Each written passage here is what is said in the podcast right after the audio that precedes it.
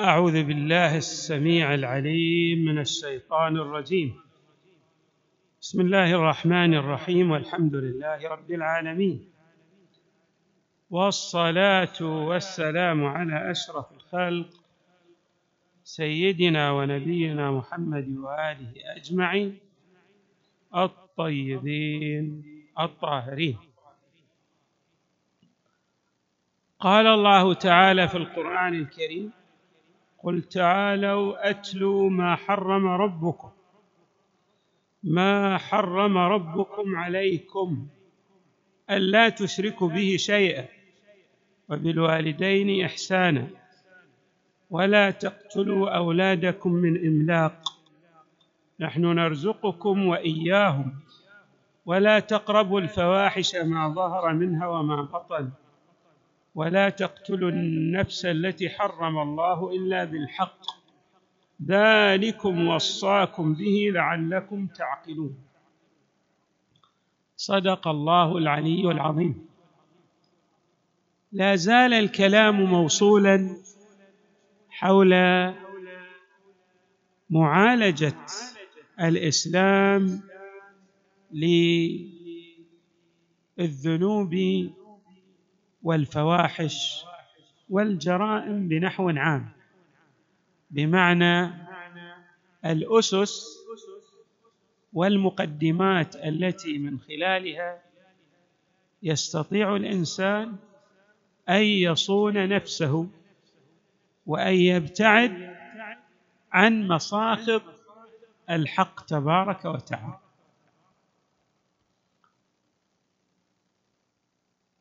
ذكرنا في البحث السابق أنه جاء قوله تعالى ولا تقربوا الزنا. في هذه الآية أيضا المباركة جاء قوله تعالى ولا تقربوا الفواحش ما ظهر منها وما بطن.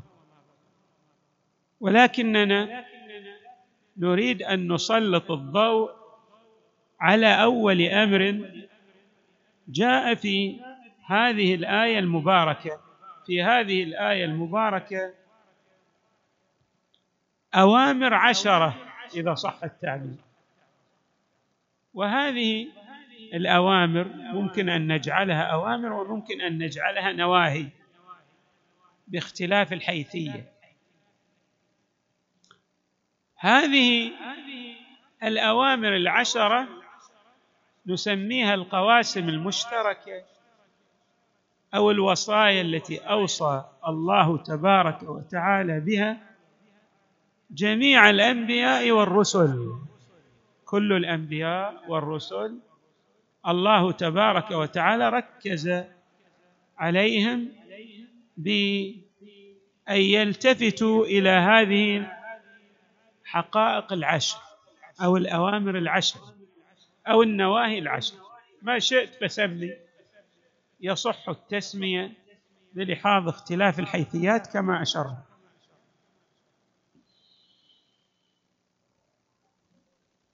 الأمر الأول أن الله تبارك وتعالى يطلب من نبيه الكريم أن يدعو الناس إليه. قل تعالى أتل ما حرم ربكم عليكم. ألا تشركوا به شيئا. الأمر الأول الابتعاد عن الشرك. وبمعنى آخر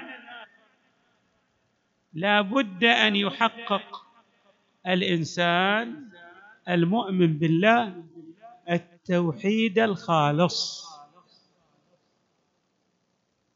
والتوحيد الخالص يتأتى من خلال الإيمان بحقانية لا إله إلا الله. وقد جاء هذا المعنى في سورة التوحيد. قل هو الله أحد الله الصمد لم يلد ولم يولد ولم يكن له كفوا أحد. وجاء في آيات أخرى كقوله تعالى شهد الله أنه لا إله إلا هو والملائكة وأولو العلم قائما بالقسط. لا إله إلا هو العزيز الحكيم. اذا آيات متعددة تفصح عن حقانية التوحيد لله تبارك وتعالى ونبذ الشرك. توحيد الخالص قبل أن نصل إلى النقطة التي نريد أن نركز عليها. حري بنا أن نذكر هذه المقدمة. توحيد له مراتب. مراتب التوحيد للإنسان العادي العامي هذه مراتب عادية. ولهذا النبي صلى الله عليه وآله عندما سأل الجارية عن إيمانها بالله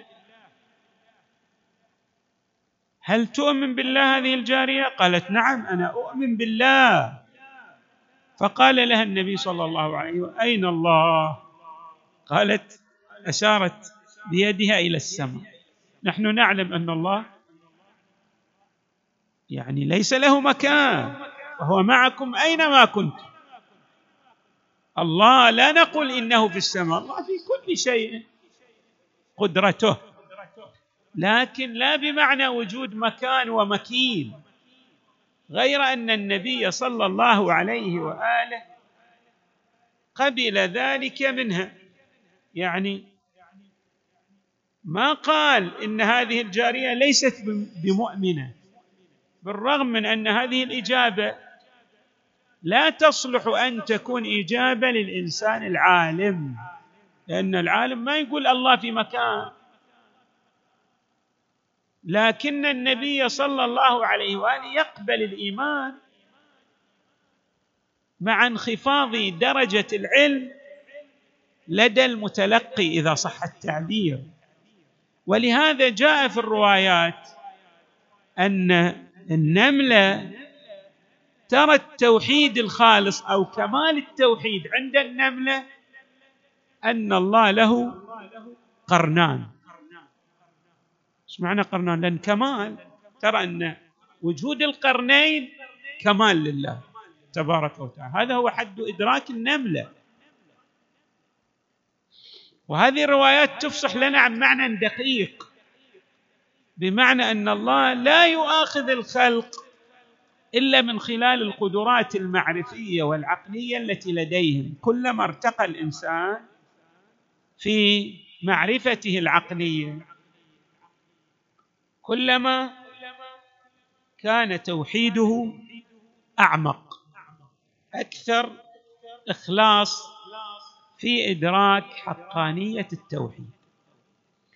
طبعا التوحيد الخالص لا يمكن أن يستقى أن يؤخذ إلا من المنهل العدل عن طريق أهل البيت صلوات الله وسلامه عليهم أجمعين. إذا تأخذ التوحيد من غير أهل البيت هذا نسميه توحيد عامي يعني لعوام الناس. توحيد الخالص لابد أن تأخذه من من إيه؟ من القرآن الكريم من المصطفى صلى الله عليه وآله بالسنة الصحيحة الواردة عبر الروايات الجائيه عن أهل البيت عليهم السلام. ولهذا ترون مثلا ترون ماذا؟ ترون هذا المعنى الدقيق للتوحيد في نهج البلاغة. أول الدين معرفته وكمال معرفته الإخلاص له وكمال الإخلاص له توحيده وكمال توحيده نفي الصفات عنه. لشهادة كل صفة أنها غير الموصوف وشهادة كل موصوف أنه غير الصفة. توحيد خالص. أو يقول الإمام عليه السلام عندما سئل عن معنى التوحيد والعدل قال التوحيد ألا تتوهمه والعدل ألا تتهمه طيب لو تلقيت التوحيد عن طريق غير أهل البيت تشوف يرون أن الكمال لله هو أن الله يكون على صورة الشاب الأمرد. شاب أمرد. جميل هذا هو الله عنده. يرون أن هذه الرواية صحيحة. ليش؟ لأنهم لم يستقوا التوحيد من المنهل العذب الخالص. وهو أهل البيت صلوات الله وسلامه عليهم أجمعين. توحيد إذا يؤخذ من أناس ليس لهم ارتباط بالوحي بالنصوص الجائية عن النبي صلى الله عليه وآله. إني تارك فيكم الثقلين الكتاب وأهل البيت عليهم السلام. ما يمكن أن تصل إلى المعرفة الحقيقية لتوحيد الله. توحيد الله هو الأس الذي تقوم عليه بقية المعارف. لا بد الإنسان يصل إلى هذا العمق التوحيدي ويحاول جادا أن لا يشرك بالله. يعني يرى أن الله تبارك وتعالى واحد في ذاته وهو واحد أيضا في عبادته. لا يعبد إلا هو تبارك وتعالى وواحد أيضا في صفاته. جميع الصفات ترجع إلى الذات. صفات الكمال لابد أن ترجع إلى ذاته. ما في تعدد كما ورد كما عن أمير المؤمنين في ما أشرنا. وكمال توحيده نفي الصفات عنه لشهادة كل صفة أنها غير الموصوف وشهادة كل موصوف أنه غير الصفة. توحيد الخالص ما يمكن إلا عن طريق هذه المدرسة. ذلك ليس بتوحيد. توحيد كما عبرنا. لعوام الناس. توحيد لأناس لم يستقوا من المنهل العذب عن مدرسة أهل البيت عن مدرسة آل محمد صلوات الله وسلامه عليهم أجمعين. اذا حري بنا أن ندرك هذا المعنى الدقيق وهو أيضا يلتقي مع قوله صلى الله عليه وسلم إني تارك فيكم الثقلين كتاب الله وعترتي أهل بيتي لن تضلوا ما إن تمسكتم بهما أبدا. شوفوا نفي للتأبيد. ما في ضلال على مستوى التوحيد. أما إذا أخذت التوحيد من غيرهم لا. هذا توحيد كما قلنا يلتقي مع الشرك. يعني فيه شائبة الشرك. أشبه بتوحيد النملة اللي تقول أن لله ماذا؟ قرنان. آه، الله الله ما هو عندهم؟ شاب امرد جميل الشكل وينزل على حمار بعد. هذه ما هذا ما هذا المعاني للتوحيد تتنافى مع قوله تعالى قل هو الله أحد. تتنافى مع قوله تعالى شهد الله أنه لا إله إلا هو والملائكة وأولو العلم قائما بالقسط. لا إله إلا هو العزيز الحكيم. هذا توحيد خالص. تتنافى مع قوله مع قوله عليه السلام مع قول علي عليه السلام أول الدين معرفته وكمال معرفته توحيده وكمال توحيده الاخلاص له أن تكون مخلصا في هذا التوحيد يعني تنفي الشريك عنه. ليس لله شريك.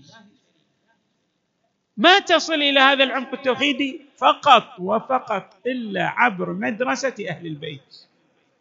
لن تضلوا ما إن تمسكتم بهما أبدا. النبي يقول مو إحنا نقول. طيب هذه مقدمة. نجي لماذا القرآن يركز على هذه على هذا المطلب في إبعاد الإنسان عن الذنوب؟ ما ظهر منها وما بطن. لأن الإنسان غير الموحد. تتقاذفه الأمواج من كل جانب من كل حدب وصوب الإنسان غير الموحد يعيش ماذا؟ الضلاله لا يرتبط بالحق تبارك وتعالى. الإنسان يعيش مضطربا قلقا. ما عنده الطمأنينة. لكن الإنسان الموحد هو الذي ماذا؟ يعيش الإطمئنان والاستقرار ويتكئ ويتوكل ويلتجئ إلى الله تبارك وتعالى. ومن يتوكل على الله فهو حسبه. كافيه يكفيك الله تبارك وتعالى من كل شيء لأنه هو القادر المتعال والعليم والحكيم. فأنت تلتجئ إلى الله. فإذا التجأت إلى الله وجردت نفسك من حولك وقوتك. والتجأت إلى حوله تعالى وقوته حصلت على الضمانة والصيانة. الله تبارك وتعالى يضمن لك الأمن في الحياة الدنيا والآخرة. طبعا في الحياة الدنيا قد تتعرض لابتلاءات لكن أنت في ضمانة الله حتى وإن ابتليت حتى وإن قتلت أنت في ضمانة الله. إذا مت وأنت على هذا التوحيد الخالص. أما في الآخرة فكما جاء من قال لا إله إلا الله مخلصا دخل الجنة. وأيضا حديث سلسلة الذهب الذي جاء عن إمامنا الرضا عليه السلام يشير إلى هذا إلى هذين المعنيين اللذين ذكرناهما. المعنى الأول أن التوحيد الخالص لا يمكن أن يحصل عليه الإنسان إلا عبر طريق إلا عن طريق مدرسة أهل البيت. ولهذا الإمام يقول في حديث سلسلة الذهب بشرطها وشروطها وأنا من شروطها. يعني لا بد أن تأخذ هذا عن الإمام عن الإمام المعصوم عليه السلام. الذي هو خليفة للمصطفى صلى الله عليه وآله الطاهر. إذا ما عندك توحيد تعيش الضلالة والأهواء وتتقاذف وتتقاذفك الأمواج من كل حدب وصوب كما عبرنا. من الطبيعي أن تقترف الإثم أن ترتكب الجريمة أن تفعل الأمور التي حرمها الله لأن ما عندك القاعدة الصلبة. ما عندك من تتكئ عليه. تتقاذفك الأمواج. ترى أنه ما في مصدر لهذا الوجود تتمسك به.